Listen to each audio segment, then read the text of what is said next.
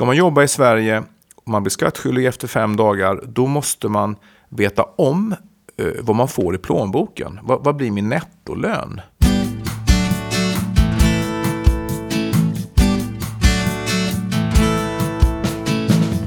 Hej och välkommen till Deloittes Mobility-podd special. Idag kör vi nämligen ett specialavsnitt om ett eh, väldigt intressant ämne. Och vilka är vi då? Jo, jag heter Martina Junge och jag jobbar som skattejurist på Deloitte med mobilityfrågor. Och bredvid mig sitter Johan Sander, jag är också skattejurist och jobbar med mobilitetsfrågor också. Mm. Och idag tänker vi prata om Skatteverkets promemoria om att införa begreppet ekonomisk arbetsgivare i Sverige. Men innan vi går vidare och börjar prata om det så ska vi bara kort säga att det vi kommer prata om här idag det är allmän information och inte någon faktisk rådgivning. Och om ni har frågor som ni inte får svar på här eller vill ha aktiv rådgivning att förlita er på så kan ni kontakta oss på mobilitypodden deloitte.se. Och då ska jag kort introducera dagens ämne för det här är lite knepigt alltså. Eller vad säger du Johan? Ja, det här är en stor förändring i svensk skatterätt. Mm. Förslaget som Skatteverket har kommit med då, eh, det lämnades i en promemoria som eh, lämnades över till Finansdepartementet här i somras. Och där föreslår Skatteverket att Sverige ska lämna det så kallade legala arbetsgivarbegreppet som vi tillämpar idag och istället göra beskattningsbedömningar utifrån något som kallas för ekonomiskt arbetsgivarbegrepp. Och det lämnas också förslag på att utländska företag Eh, blir skyldiga att registrera sig, göra skatteavdrag eh, för personal som utför arbete i Sverige och även då under kortare perioder. Och kort så innebär ett ekonomiskt arbetsgivarbegrepp att man ser till vem som bär risken och ansvaret för resultatet av en arbetstagares arbete snarare än vem som har det formella anställningsavtalet med en person. Och det här förslaget som Skatteverket har lämnat det har varit ute på remiss och remissvaren visar på lite blandade åsikter. Men eh, det är med en skrivning i höstens budgetproposition och det här talar ju för att det finns ett eh, intresse för att eh, införa det här förslaget helt enkelt. Och vår syn på förslaget är att det är relativt sannolikt att det här kommer att införas i en eller annan form. Um, och det, det, är lite mot bakgrund av hur det ser ut i andra länder till exempel. Det är flera andra länder som, som idag um, använder sig av ekonomiskt arbetsgivarbegrepp. Uh, egentligen majoriteten. Sverige är en udda fågel kan man säga i det här sammanhanget. Uh, och vi har en gäst här idag uh, som eh, ska hjälpa oss att reda ut det här begreppet lite mer. Och eh, gästen har det fantastiskt vackra namnet Martina Ogenhammar. Välkommen hit. Tack så jättemycket. Eh, väldigt roligt att vara här idag. Eh, jag heter då som sagt Martina Ogenhammar eh, och jag jobbar ju då med Johan och Martina Junge eh, på Deloitte sedan ungefär sex år tillbaka. Jobbar också som skattejurist med mobilityfrågor och eh, sedan några månader tillbaka även med migrationsrätt som ni kommer höra lite mer om i ett senare poddavsnitt. Jättebra. Eh, Martina, en riskgrupp kopplad till förslaget om ekonomiskt arbetsgivarbegrepp är ju tjänsteresenärer. Eh, berätta gärna mer om det här. Jo, det här förslaget som Skatteverket har lämnat, det är ju främst hänförde till personer som ska arbeta en kortare period i Sverige. Eh, förslaget i sig vänder sig till begränsat skattskyldiga personer Eh, Eh, vilket kort innebär personer som vistas här kortare tid än sex månader och därför inte blir fullt ut skattskyldiga i Sverige. Och sådana personer som oftast är och arbetar i Sverige under kortare perioder, det är ju tjänsteresenärer eller andra personer, kanske commuters eller liknande, som är här lite då och då. Och vi har sett en utveckling nu de senaste åren att företag rör sig lite bort från de här traditionella utlandstjänstgöringarna där man åker på ett secondment som håller på i tre år och det därför finns ganska strikta bestämmelser om lön och, och arbetstid och liknande. Mot att mer jobba med ett behovsbaserat mobilitetssystem. Det kanske är så att man behöver någon person som håller en utbildning i Sverige, delar med sig av sina kunskaper. Eller kanske att man gör ett kortare affärsbesök i ett land. Eh, helt enkelt så, om en chef vill att en anställd ska vara på ett visst ställe vid en viss tidpunkt så skickar man bara iväg den för att arbeta kortare perioder i andra länder. Och det här funkar ju väldigt bra eh, när man tittar till företagets verksamhet. Eh, men det ställer också ganska höga krav på företagen att hålla lite koll på alla deras resenärer till och från olika länder. Och vår erfarenhet är ju att det flyger en hel del eh, personer under radarn så att säga, eh, som varken då myndigheterna i Sverige har koll på, eh, men heller inte riktigt bolagen har koll på. Du Martina, om man ser på det här i ett bredare globalt perspektiv nu. Många länder har ju infört då som man kallar the deemed economic employer, det vill säga man gör en genomsyn och när man skickar då konsulter exempelvis till England så blir man skattskyldig då efter en kortare period, cirka 30 dagar. Och eh, nu ska Sverige införa det här att man blir skattskyldig då efter, vad jag förstår, fem dagar i Sverige. Så blir man skattskyldig här.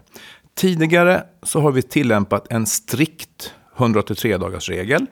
Vilken innebär att om man är utsänd till Sverige av ett annat lands bolag och arbetar i Sverige kortare period än 183 dagar under en 12 månaders period så är man inte skattskyldig här. Men nu så blir man då skattskyldig efter fem dagar.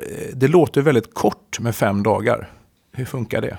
Det är väldigt kort och tanken är ju just att man ska liksom komma åt alla personer som vistas i Sverige eh, från dag ett i princip. Eh, men kan vi backa lite och prata lite då om, om hur det ser ut idag med beskattningen av tjänsteresenärer. Eh, och som du säger Johan så är det ju så att enligt gällande lagstiftning så, så beskattas egentligen personer i Sverige som är anställda i Sverige av ett svenskt företag och får lön från Sverige, även då om man är begränsad skattskyldig. Däremot personer som inte är anställda av ett svenskt bolag utan istället anställda av ett utländskt bolag som inte har ett fast driftställe i Sverige, då beskattas inte de. Eh, och det är då med stöd i den här 183 dagars regeln som du nämnde. Och eh, 183-dagarsregeln är ju ett verktyg egentligen då för att undvika dubbelbeskattning. Och det här finns dels då i intern svensk rätt, eh, i vår eh, lag om särskild inkomstskatt för utomlands bosatta, Eh, som vi brukar kalla för SINK-lagen. Ehm, och även då egentligen i skatteavtalen som Sverige har slutit med flera andra länder. Som då blir aktuellt för att hantera dubbelbeskattningssituationer för personer som är här lite längre än sex månader då och blir fullt ut skattskyldiga. Och 183-dagarsregeln funkar ju så att det är tre kriterier. Eh, det första är ju då som du nämnde att en person inte ska vistas mer än 183 dagar i Sverige under en 12 månadersperiod. Det andra kriteriet är att den ersättning som personen får när han arbetar i Sverige eh, inte får betalas ut av en arbetsgivare som har hemvist i Sverige eller på dennes vägnar. Och det sista kriteriet är att ersättningen inte får belasta ett fast driftställe i Sverige. Så de här tre kriterierna, om de är uppfyllda så innebär det att en person som arbetar här en kortare period inte behöver beskattas i Sverige, så som det ser ut idag. Och då kanske det är många som tänker på, ja men hur funkar det med filialer och liknande då? Och de, eh, de är alltid undantagna från det här. De kommer att bli skattskyldiga personer som arbetar för filial i Sverige oavsett. Eh, men eh, som ni då tänker så kommer det här undantaget att vara tillämpligt på väldigt, väldigt många. Och så har det varit också bakåt i tiden. Och, och, och, Sverige har ju, det är ju väldigt många utländska konsulter som skickas till Sverige, exempelvis inom it-branschen. Och de jobbar här kanske 100 dagar, sen åker de hem och de blir inte skattskyldiga här. Eh, det kan ju också vara så att Sverige nu har sett att det är så otroligt mycket inhyrd personal. Att man ser en möjlighet ur ett fiskalt intresse att ta ut skatt på de här. Eh, efter man ser det här mönstret att det skickas så många människor till Sverige. Och nu kommer det här förslaget, vilket innebär att alla de här tusentals då, eh, konsulterna som skickas till Sverige kommer bli skattskyldiga här från dag, från dag fem. Va? Nämner man någonting i den här eh, förslaget och vad är grundsyftet med det här förslaget? Har man, har man nämnt någonting om det? Ja du Johan, eh, det stora syftet eller största syftet, huvudsyftet, det är ju självklart att öka skatteintäkterna i Sverige. Mm, det står i promemorian här att Skatteverket beräknar att eh, skatteintäkterna kommer att öka med 330 miljoner från 2019. Och sen finns det ju, kommer ju eh, zinkskatten att höjas till 25 procent här och då, då räknar man med att det ska vara 410 miljoner ungefär. Sen eh, blir det ju naturligtvis kostnader för Skatteverket också i administration av det här och där räknar man med en kostnad på 80 miljoner kronor eh, som engångskostnad och sen ytterligare 65 miljoner kronor under 2019. Mm. På lång sikt så kan det ju bli en, en liten slant extra då i, i kassan. I statskassan, precis. Ja. Mm. Sen kan man ju fundera lite över eh, hur förslaget är upplagt. För så som det är upplagt nu så är det ju den utländska arbetsgivaren eh, som är den som ska registrera sig i Sverige eh, för arbetsgivarändamål. Och genom att göra det så får ju Skatteverket eh, en möjlighet att utföra en fast driftställeskontroll. Så det kan ju också medföra att det är fler eh, bolag från utlandet som anses vara skattskyldiga i Sverige och får ett fast driftställe då. Mm. Mm. Spännande. Mm, mycket. Eh, hur vet man då om det finns en ekonomisk arbetsgivare i Sverige, Martina? Ja, eh, man kan väl börja med att säga att det, den formella arbetsgivaren, eller den legala arbetsgivaren som vi använder här i Sverige, den är ju lite enklare att bedöma när det föreligger. Eh, för då tittar man ju mycket på vem betalar ut ersättningen till den anställde och vem har ingått anställningsavtalet med den anställde. Så för att ta Johan här som exempel, Johan är anställd av Deloitte. Deloitte betalar Johans lön och eh, det är också Deloitte som Johan har sitt anställningskontrakt med. Eh, så i det här fallet är det rätt tydligt att det är Deloitte som är Johans arbetsgivare. Men eh, om man då istället ska tillämpa det ekonomiska arbetsgivarbegreppet, då blir det en mer en helhetsbedömning av alla faktorer. Eh, så till exempel om Johan blir utsänd för att arbeta på, i Tyskland, eh, då har han fortfarande kvar sin anställning i hemmabolaget, men det kan vara så att även det tyska bolaget anses vara arbetsgivare om man ser till ett ekonomiskt arbetsgivarbegrepp. För det man tittar på då är ju då, vem drar nyttan av arbetstagarens arbete? Vem bär kostnaden? Vem disponerar och kontrollerar över personens arbetsplats? Vem arbetsleder? Vem är det som har rätt att införa disciplinära sanktioner? Eh, vem bestämmer över arbetsschema, semester och så vidare? Så då får man titta liksom på helhetsperspektivet. Eh, och mycket som Martina sa i början, vem bär egentligen risken för arbetet som utförs? Ehm, och om man då tittar till Skatteverkets promemoria så lägger de ju väldigt stor vikt i vem som drar nytta av arbetstagarens arbete. Och i det här fallet då kanske det är tyska, tyska bolaget som Johan jobbar för som anses vara arbetsgivaren.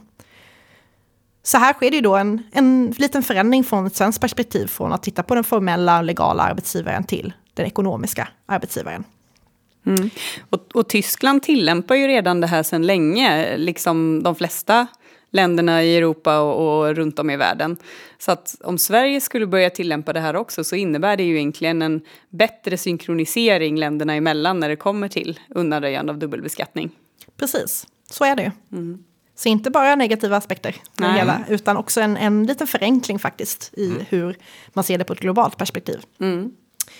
Men om man då kopplar tillbaka lite till det vi nämnde innan om beskattningen av tjänsteresenärer och den här 183-dagarsregeln om vi då kommer fram till att det är kanske ett svenskt bolag som anses vara arbetsgivare enligt det här ekonomiska arbetsgivarbegreppet, då faller ju kriterie nummer två, alltså att ersättningen ska betalas av en arbetsgivare som inte har hemvist i Sverige.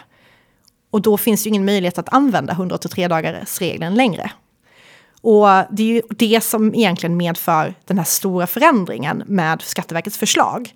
Att personer då som tidigare har kunnat tillämpa den här regeln antingen som begränsat skattskyldiga genom 183-dagarsregeln i SINK eller som obegränsat skattskyldiga genom 183-dagarsregeln i skatteavtalen nu kommer att beskattas från dag ett. Mm. Mycket intressant och stora förändringar faktiskt. Ja, verkligen. För våra bolag. Mm. Som vi var inne här på tidigare så om det är så att man fastställer att det finns en ekonomisk arbetsgivare i Sverige trots att lönen faktiskt utbetalas ifrån, säg Tyskland då är det ju, trots att det finns en ekonomisk arbetsgivare i Sverige, så är det ju då fortfarande det tyska bolaget som ska registrera sig i Sverige och sköta rapporteringen och skatteavdraget, eller hur Martina? Precis, ehm, så konsekvenserna blir ju lite kort då, bortsett från beskattningen för individen i sig från dag ett, att det utländska bolaget behöver registrera sig i Sverige. Ehm, de behöver då lämna månatliga arbetsgivardeklarationer och uppgifter på individnivå. Och kort innebär det i princip att de måste ju hantera innehållande av preliminärskatt på månadsbasis för de här individerna som är i Sverige och arbetar. Sen ska man dock komma ihåg att det här är ju vad gäller skatten. När man tittar till exempel på sociala, eh, sociala avgifter så när, är det väldigt vanligt att personer eh, ligger kvar i hemdans avgifterna under tiden de är på korttidsuppdrag i Sverige. De kanske har ett utsändningsintyg eller så finns det interna regler som säger att man inte behöver gå över till det andra landets socialförsäkringssystem om man är ute i kortare än ett år. Så det. det. innebär kanske inte att de då måste börja rapportera sociala avgifter i Sverige, vilket medför en ganska mycket högre kostnad. Däremot så är det ju den här skattehanteringen då som, som blir den ökade bördan för, för bolagen. Mm. Så ja, det blir en ganska stor förändring för för utländska arbetsgivare då, och även om man tittar på kanske stora globala koncerner som är väldigt vana vid att skicka personal eh, runt om på hela jorden, så kommer det ju bli en ökad administrativ börda. Kanske ökad ekonomisk börda också beroende lite på hur skattesituationen blir sen när man har hanterat dubbelskattning och så. Men du Martina, eh, eh vilka tips kan du ge nu då, de som lyssnar? Vad är tipsen här? Hur ska man förhålla sig till detta? Ja, alltså, det finns ju många tips egentligen och också samtidigt lite svårt att ge tips eftersom det här ännu ligger i ett förslagsstadie. Eh, men jag tror att den stora grejen man måste göra inom företag det är att vara lite beredd på att förändringen är på väg. Eh, vi skulle väl egentligen gärna se att man börjar arbeta redan nu med att titta på vem som kommer ha ansvar för att se till så att personalen inom bolaget vet om de här ökade riskerna. Vi försöker göra vår del här nu med att informera om det i podden. Eh, men jag tror att det kommer behövas rätt mycket processer internt.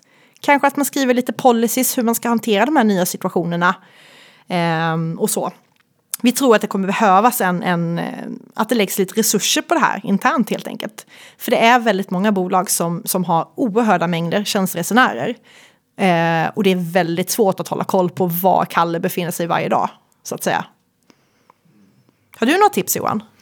Nej, jag, jag tänker att, att, att eh, när man lånar in personer till Sverige inom våra stora koncerner så har man ju tidigare förhållit sig till eh, den legala arbetsgivarbegreppet, det vill säga de har inte blivit skattskyldiga här om de inte vistas här mer än 183 dagar. Nu är det borta i förslaget, de blir skattskyldiga direkt. Då måste man ju också se över de här personerna blir skattskyldiga kanske direkt och då, de kanske har nettolön när de arbetar i Sverige. Hur ska man hantera skatterna, skattekompensation för de här personerna i förhållande till den skatt de betalar i sitt hemland? Eh, man måste, ju, vad jag förstår, så måste företagen Eh, som eh, lånar hit personal på nettolön att man måste komma överens om hur man ska hantera skattekostnaderna direkt när man, när man kommer hit och ha ett avtal då som reglerar det. Eh, så att det inte blir några hemska överraskningar för de här som kommer hit. Utan ska man jobba i Sverige och man blir skattskyldig efter fem dagar, då måste man veta om vad man får i plånboken. Vad, vad blir min nettolön? Mm. Eftersom tidigare har man ju bara betalt skatt i sitt hemland. Du har ju ett eh, favoritexempel Johan med Ryssland där det är 13 procents mm. inkomstskatt. Om vi ställer det mot den svenska inkomstskatten mm. då kanske inte en rysk tjänsteresenär blir särskilt nöjd om hon eller han behöver betala den svenska skatten. Nej, och sen så är det också så att om man, om, om man, om man kommer från ett högskatteland, eh, man är utsänd från Danmark till exempel och betalar ganska hög marginalskatt och så kommer man till Sverige och så blir man skattskyldig här. Och så blir man skattskyldig här kanske för 150 dagar. Det innebär ju också att man kan Uppsidan kan ju vara att man får ner sin marginalskatt för att man faktiskt blir skattskyldig här mm. för halva året och mm. halva året i sitt hemland. Mm. Så man kan ju också få en, en högre nettoinkomst genom att man faktiskt blir skattskyldig i Sverige del av året. Mm. Så det är inte bara negativt. Nej. Men det ska hanteras i en mm. deklaration i Sverige det ska lämnas, det ska lämnas månatliga arbetsgivardeklarationer och det ska ske en uppbörd av, av, av skatter. Mm. Så att det är ju ganska stor utmaning för, för, för våra kunder och, och, de bolag som tar in personal från utlandet. Mm. Mm. Hur kan vi på Deloitte hjälpa till då? Jo, eh, vi kan väl börja med att säga redan nu att eh, det har hållits seminarier i Göteborg och Malmö där vi har pratat lite om det här med eh, det här ekonomiska arbetsgivarbegreppet. Och vi kommer att hålla seminarier även i Stockholm i vår. Eh, vi väntar lite nu på att se hur, eh, hur det här förslaget kommer tas emot. Vi vet att eh, det har fått ett lite varierande resultat vad avser remissvaren. Eh, men processen är inte klar än, eh, så vi väntar med spänning för att se hur de går vidare eh, med det här förslaget. Och eh, kommer då att bjuda in till seminarium efter det. Eh, men vi är ju också självklart behjälpliga vad gäller att titta lite på hur policies ser ut nu och vilka processer som, eh, som ni har ute på bolagen idag. Och det är någonting som, som är bra oavsett eh, om det här förslaget går igenom eller inte. Eh, sen har vi ju alltid verktyg och sånt för att tracka lite tjänsteresenärer och för att eh, ja, hålla koll på deras kalendrar och så. Så ja, vi finns här och hjälper er jättegärna eh, med era tjänsteresenärer framöver. Bra! Eh, det var inte lätt det här. Nej, verkligen inte. Nej.